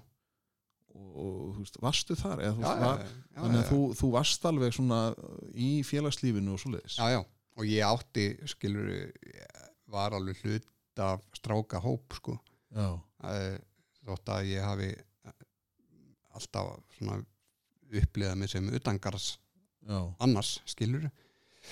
En jú, ég sótti Arnardal bara en- en- en- alltaf sko hefur þú, ég ætla bara að klára það að, að, hefur að hugsa sko þú í dag að því að þú Mhm. ert að vinna með bættum úlingum Mhm. Eh, sko voru starfsmenninir fi- sko sáu þau þig ekki? Eða þú veist, hefðu þau geta hjálpa hefðu þau geta komið inn í þetta eða þú veist, komið þau og klöppuður og sagði, heyrðu Matti mín hérna, eða þú veist, Nei, ég ætla að gefa mér að þú sért alltaf kallaði Matti. Ég er að bara alltaf nema ég sé skammaði sko. Maður bara tekur einhvern veginn það er bara þannig, þú voru afsakað en, en ég sést búin að fá leifið núna. Já, já, eh, að, að það hefur enginn svona komið tíðin og sagt, heyrðu, þú veist gerur, ertu, þú veist. En að, að því að þú klárlega myndi gera það í dag. Já, já, allan daginn. Já, allan daginn. Þannig að þetta umhverju er náttúrulega búið að breytast. Já. þannig að, en að, það sem að gerir svo svo ég grípina frammi fyrir þér að, og þá varst að spyrja þú veist hvena ég farið svo að vinna með bæðum ólingum sko. Að, það sem sagt 2004 að þá er ég ráðinn eh, á eh, sem fórstuðum í ungmennahúsi sem að var verið að opna í hveragerði var sem sagt ráðinn inn í það að sjá um og skipulegja opnunina og vera svo fórstuðum í, hús, í húsinu sko. og það var á þeim tíma sem að Rauðikrossin var að, að opna á Ísafyrði og, og Já, þeir, Ísafjörður Ísafjörður var til. Þeir já, eh, var búin að vera til í einhver tvö ára eða eitthvað svo leiðis og Egilstaðir já, og Akureyri. Og að ég held Húsavík held ég. Það var allavega þessu var dreift Já. og, og meiningin var náttúrulega að bæjarfélögur myndu taka svo þetta yfir. Já, þetta var semst uh, í hvergeri var þetta samstagsverkefni hvergeris bæjar og Rauðakross. Já, og þarna, þarna er ég 24 ára með enga mentun og er áðinni sem fórstuðumar og hvað sko þú hefur vantilega bara sótt um þetta eins og Já. hver annar? Já. þannig að þeir hafa séð eitthvað í þér svona sem að, að, ég seldiði mig, já, það er bara þannig. Og leikarinn? Já. Og varstu bara svona aftur tíka alltaf síminn? Bara, Mm. ég heiti Mattias, ég vinna Eh, hérna. já, ég, ég sá uh, nú, nú, já, ok. Jú, jú, ég get sagt þetta. Það er, mörg ár liðin. Já, já, síðan liðin mörg ár. Já, það er að- 15 ár, Já. það er ekki hægt að það er auðvitað fyrst Já, að ég sá auglist og ég sækjum það er gefið upp semst nafn á, á þáerandi í þrótt á æskulsfutrúa hver að gera spæðar og ég ringi hann og segi að ég sé búin að senda inn umsókn en mér langi nú að svona forvittnast aðeins um þetta og, og hann tala við mig í síman í dágóða stund. Og ég ákvað í miðju símtali með sjálfum mér að ég þyrti og sko einfallega að segja að ég þyrti að fara á Selfoss eða eitthvað hvort ég gæti ekki bara komið og hitta hann.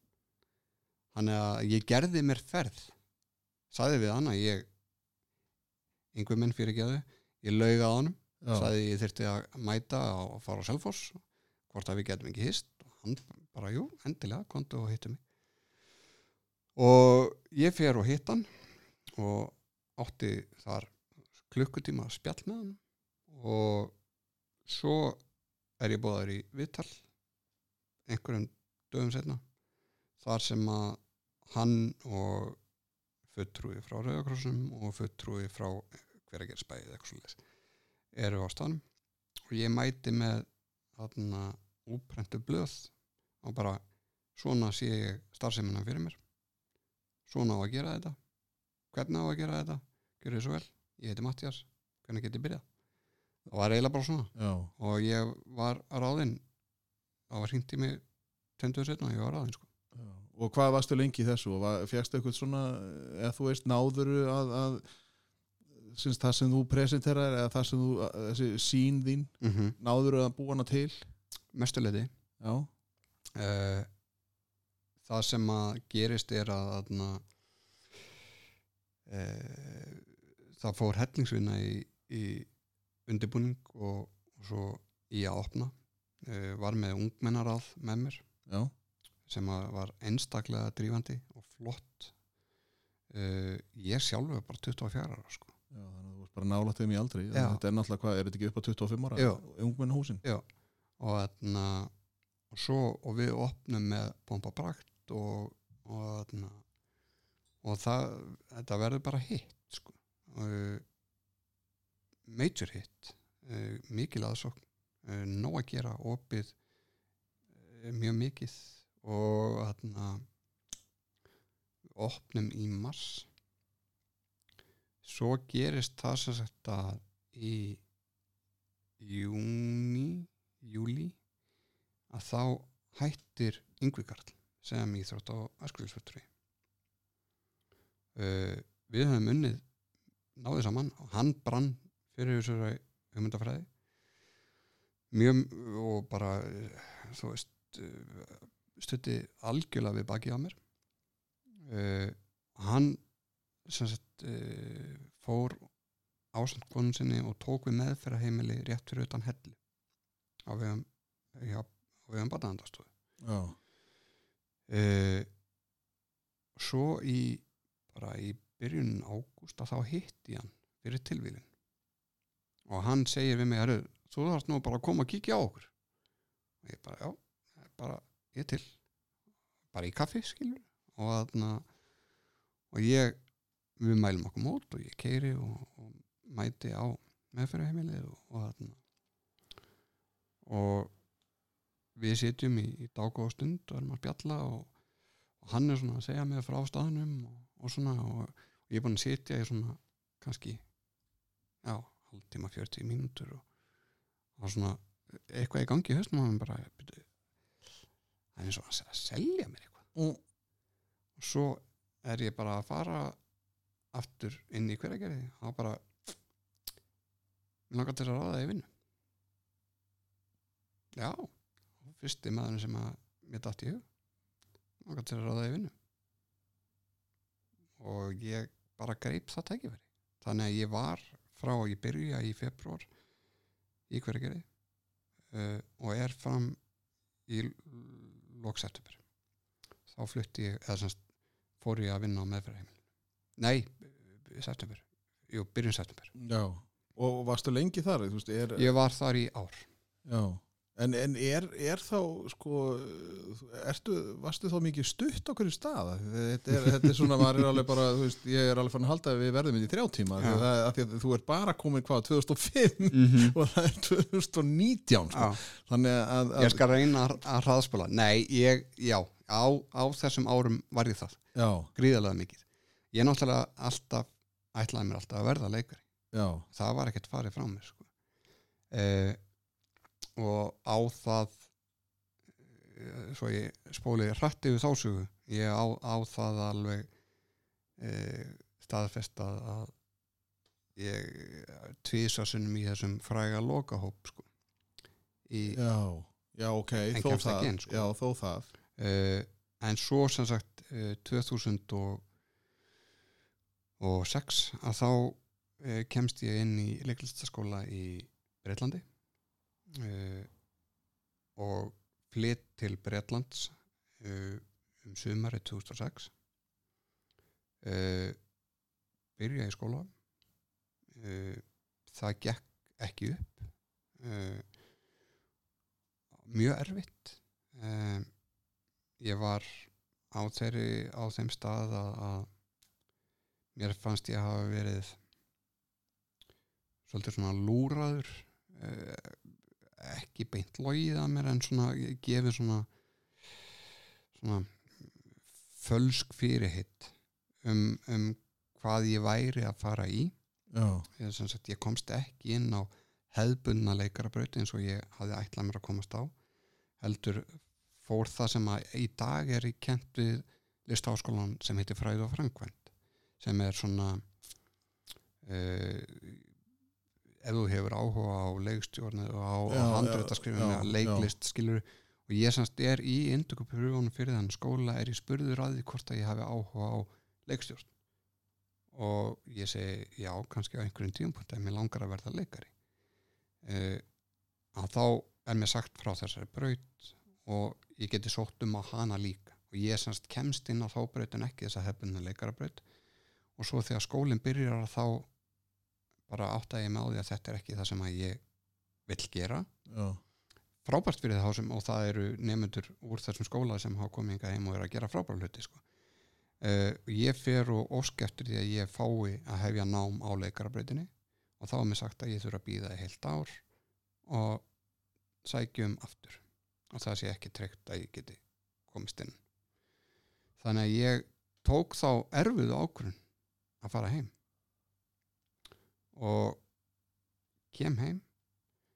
Stuttu setna verður uh, sem sagt uh, fáum ég og þá er undir konu mín þær fréttir að, að við höfum hann á batni og þá þarf ég bara svolítið svona að taka ákvörðunum ok, hvað, hvað er það sem ég ætla að gera? Nú eins og þú sagðir aðan, búin að stoppa svolítið stutt við, nú, nú þarf ég bara svolítið að, fara að taka einhverja ákvörðunum, ég er að verða þú veist, ég er 27 ára gamall hvað, ég, hvað er það sem ég ætla að gera? Uh, réði mig í vinnu uh, í bústaðakirkji sem æskuðsfulltrúi var þar í tvö ár þá kemur hrunið.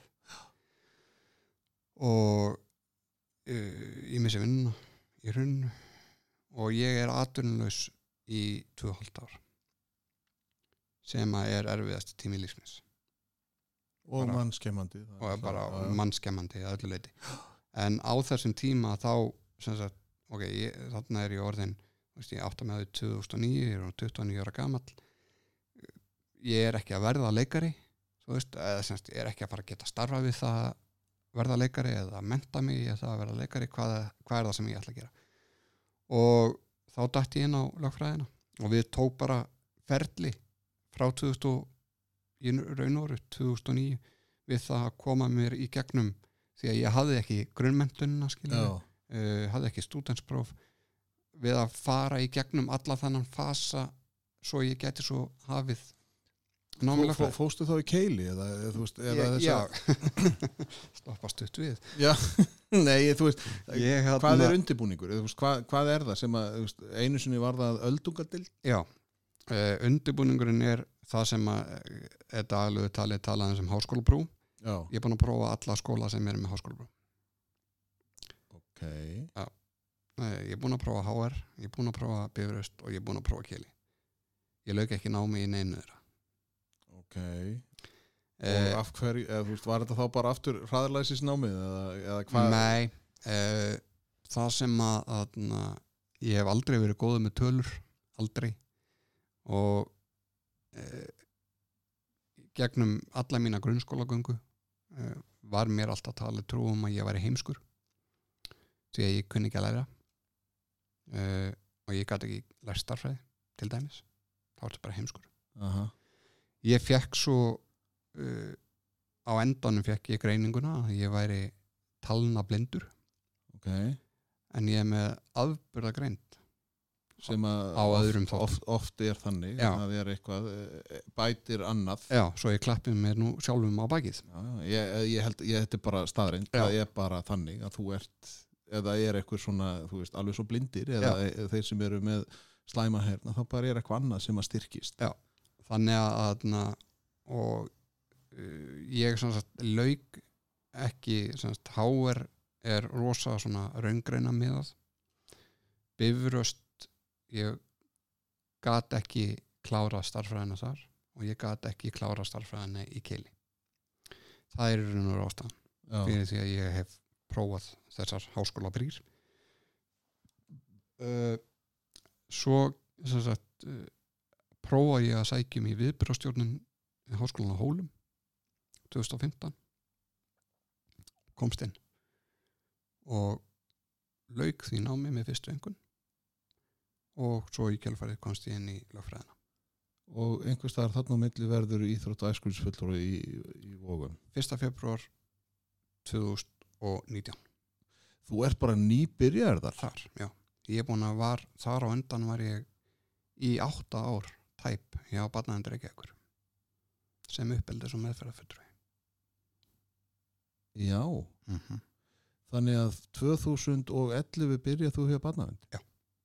Og hvernig var það segðu mér aðeins frá því að veist, Mhm. þetta er náttúrulega svona heimur sem að er kannski er ekkert allir, við vit, þú veist, fólk veit ekkert af þessu, nei uh, þar getur maður orðið reyður já, það getur maður orðið reyður alveg klálega uh, því miður uh, er það þannig að, að að þau börn sem að börn og úlingar sem að eru hvað ég var að segja, utangarðs og eða farin að sína áhættu hegðun eru svolítið óhreinu börnin hannar efu sko. Það Já. vill enginn af þeim vita.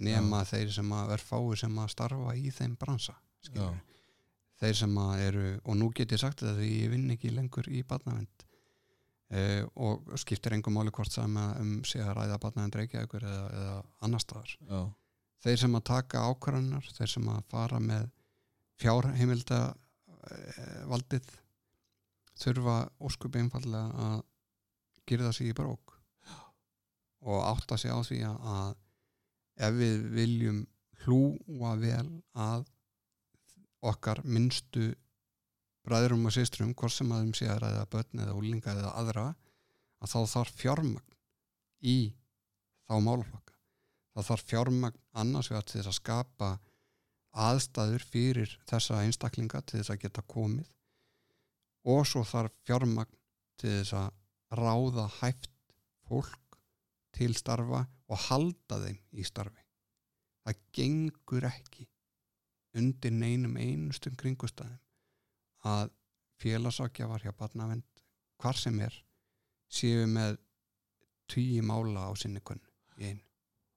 Og séu að drukna í álæg það bara það bara gengur ekki nei, og því fyrr að ég er ekkert einu sem segir þetta sko. það, það er fjöldin allur fólki að segja þetta já, já. en það bara þanga til að, að, að ráða menn og opna augu sín fyrir því að það þurfi að gera eitthvað rótækt í þessum málum að þarf að horfa til þess að það þurfa að setja hellinga pening í þetta þá mun ekkert breytast þá verða þessi málaflokkar alltaf erfiðir Já, já. En það er náttúrulega það, er þetta ekki bara meðvirkni döðans við, eh, við viljum ekki sjá, við erum bara með glukkatjöldin niðri jú. þetta er svona, það er allt svo aðeinslegt og frábært og svo bara eins og kannski þið vera að sína í dag ég meina það er útópísk laun þarna en svo er Mhm. bara allt í lagi að einhver annar lifi af bara sko brauðmólum já, já. Þannig að þú veist og, og hvað, sko, hvað þetta er í rauninni sko að það er komin einhver jafnvægis vittlisa Já, ég, í, í þjóðfélagi það er bara stórkostlega skekkja. Já. bara stórkostlega skekkja. en þú, þannig að, að þú veist að við þurfum að fara að slúta þessu ég menna, við, þetta er náttúrulega óbúslega fyndið þegar maður byrjar þessa vekkferð það, það er svo margt sem er einhvern veginn í þessu sko, þannig að, að Mér leiðist heldur ekkert að tala sko, þannig að og ég, þú veist, mér leiðist heldur ekkert að vera því ég er bara forvitin döðans Já, já. þannig að það, mér finnst þetta bara gaman en, en, og ég vona að fólki finnist þetta náttúrulega áhugavert mm Mhm. þetta er einhvern veginn sko það sem mér finnst, það sem ég er að læra af þér, það er, þú veist, og það sem er svo mikilvægt, að það er alltaf einhver staðar gluggi í opinn Já. og það að þú hafi farið í gegnum lögfræðinám og, og lýsandi því sem þú ert búin að lýsa þú veist, ég er bara einhvern veginn alveg eins og þegar þú, þú settir að því að, að, að nú er svona nýveri sem að ég kynnist þér og, Mhm. og þetta þegar þú póstar að þú sért orðin lögfræðingur að, að maður er einhvern veginn svona ha, Mhm. já. Ertu, ertu ekki íþrótt æskrisfulltrú og ég, Mhm. ég var einhvern veginn búin að sjá þig allt annar staðar. Ég held náttúrulega værir tómstund og félagsmálafræðingur eða þar sko. þannig að, að hvað þetta sýnir, hvað maður er sko búin að dæma kannski. Mm og, og ég var kannski líka meira þú veist, svo náttúrulega byrja ég bara að er þetta ekki, var hann ekki Benjamin Dúfi Já. skilur að, að maður er svona búin að ákveða Já. eitthvað ákveðna mynd sko af þér -hmm. og svo er þetta bara einhvern veginn ó, þú veist eh, að, að, sko, en, en, en staðrindin er svo og hvað það sýnir Mhm. að við megum ekki gefast upp Nei, aldrei, og enginn má gefast upp aldrei og þá er nú betra að vinna í borunni Já, já, ha? eh, bara klálega og, og ráðamenn þurfa að taka puttan úr Já, já, úr borinni Já. Já, Það er bara, það er bara óskup einfald þannig að, að, þú veist, að, þe- að þetta er og ég er alveg sammálaðir Mhm. af því að þetta er auðvitað veist, á mínum tíma þá bara veist, mætti ég ekki í skólan þú veist, já, var farin í sveit og maður bara, já, ok mm. Já. bara var það má list skilur þannig að, að- en þú veist, það er alltaf einhverju hlutir en það er alltaf eitthvað sem þú hefur Já. fram að færa Já. það þarf bara að leifa því að og það eru ekki allir stærfræðistillingar Nei, nei, sem betur fyrr Nei. og það er náttúrulega þú veist, þetta, og ég, ég bara ég verð að segja þetta sko. Eh, og nú verð ég nú verð ég kannski bara inn í hausin af einhverjum sko. Að þú þarft að læra starffræði af hverju? Já, þetta er svo góður grunnur. Ok og svo hvernig, hver, hvernig þú ætlar að til dæmis ef þú ferð að reyka fyrirtæki og ætlar að leggja hérna saman laun þá bara fæ ég bókara til þess að gera það. Þetta er ekkit flókið sko. En það eru líka til tölfur já. Ah. þú veist, eh, þú veist, það er til Excel skilur það, þú veist gott og vel og frábært að, að, að hvetja fólk til þess að, að læra. En einhvern veginn að ef þú lærir ekki þetta að þá getur ekki þetta skilur, það, það er bara svo absúrt hugmynd, það er til fullt af fólki sem er búið að menta sig í því að vera viðskiptafæræðinga sko Já, og líka kannski það að þegar þú ert sko það sem ég, að ég er nú mentaður í Danmarku Já. að þegar að ég fer í skólan þar Já. að allt í einu þá þarf ég að fara að vinna með öðru fólki Já. og ég var bara, ha, á ég ekki að gera þetta Já. en þá sögðu þeir bara, byrju, þegar þú ferð á vinnumarkaðin mm -hmm. þá vinnur þú nánast aldrei einn Nei. Þú ert alltaf í teimi Já. og þetta er einhvern veginn svona að því að ef þú ert lélugur á þessu sviði þá Mhm. náttúrulega bara finnur eitthvað sem er betri veist, já, já, og tveir mínusar gera pluss Já. eða þú veist, hvernig sem það er sko. Já. þannig að, að, við, þetta er búið að vera mjög skemmtileg spjall en þú náttúrulega nefndir áðan fyrri konu mm hjá ég eftir, Mhm. eignaðis bad Já. þannig að ég hef nú ekkert komið inn á þú, veist, hvað, þú ert þá vantana með fjölskylduna þína í á, á, á vögu eða sérst, var þér þá þú skilduð eða eitthvað svoleiðis og, já, ég og mín fyrirverandi skiljum 2012 já, uh, með eitt bad þá eða, með eitt barn Já. sem verður 12 ára á sundaginn já, já, til hæm ekki með það. Takk. Uh, og svo kynnist ég frábæri konu uh, 2014 og sem á tvö börn. Uh, og við förum að rögla saman reynum og búum saman í dag, búum í Hafnaveri og já og erum dótti mín er hjá mér aðra hverja viku og, og eða hjá okkur aðra hverja viku Já. eða svona hún er, hefur verið það nú er það kannski bara veist eh, for, reglan er svo hún er aðra hverja viku en stundum er hún lengur hjá mér og stundum er hún lengur hjá mömmu sinni sko. Já, já þannig að það, það er gott samband sem er mikið vegt af því að það verður Já, bara, já. börnin verða bara að fá aðeins að það er einhvern veginn sko áhyggjurnar Já. að, að það verður að slá aðeins á þær Já, já, já. þetta er, að það, ég held að sé að nóg að taka Já. Fyrir Ég- þau að, að vera að, veist, þurfi ekki á það bætandi að, að foreldandi séu líka í einhverju, einhverju einhverju ruggli sko. já, ég og, ég og mín basmáður erum bara fínir vinnir sko. já, átti var að spjalla við hana í 20 mínútur að henni kom hingað sko. já, Þannig að það er gott að heyra það er, allan, þá, veist, það er náttúrulega þetta með sko, að við, þú veist, fullotna fólki verður líka læra Já.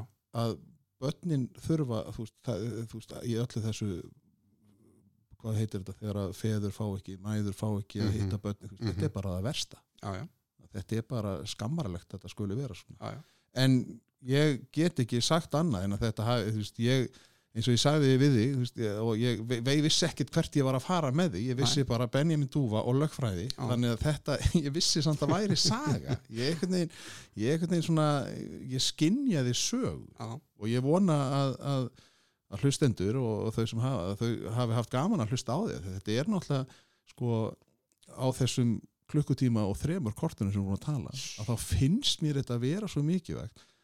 Ekki gefa stuð, þú veist, það er alltaf eitthvað. Það er alltaf leið og ég bara mér finnst svo mikilvægt að svo ég aðna ég fá að ljúka mínumáli með því einmitt að það er það er mikilvægt að, að, að þú getur tala við einhvern ef, ef líðanin er ekki góð veist, það er fullt af fólki í kringu sem er tilbúið til að hlusta eitthvað sem þessi fóröldra kennar, æskulisvittrúar æskulis starfsmenn mm. eða sannemndur eða hvað sem það er og þú getur gert allt þú þarf bara að hafa kjarkin og þórin og þór til þess að leita leiða til þess að finna út úr í hvernig þú ferð á endastuðina sem vilt komast á sko. Veist að þú, bara, ég ætla að segja bara takk hella fyrir að nenna að vera þetta, ég er bara ég er svo ánægð með að hafa kynstir. Sumleðis, takk hella fyrir að eigða tímanum með mér hérna í smá stund. Takk fyrir mig, snjótillingur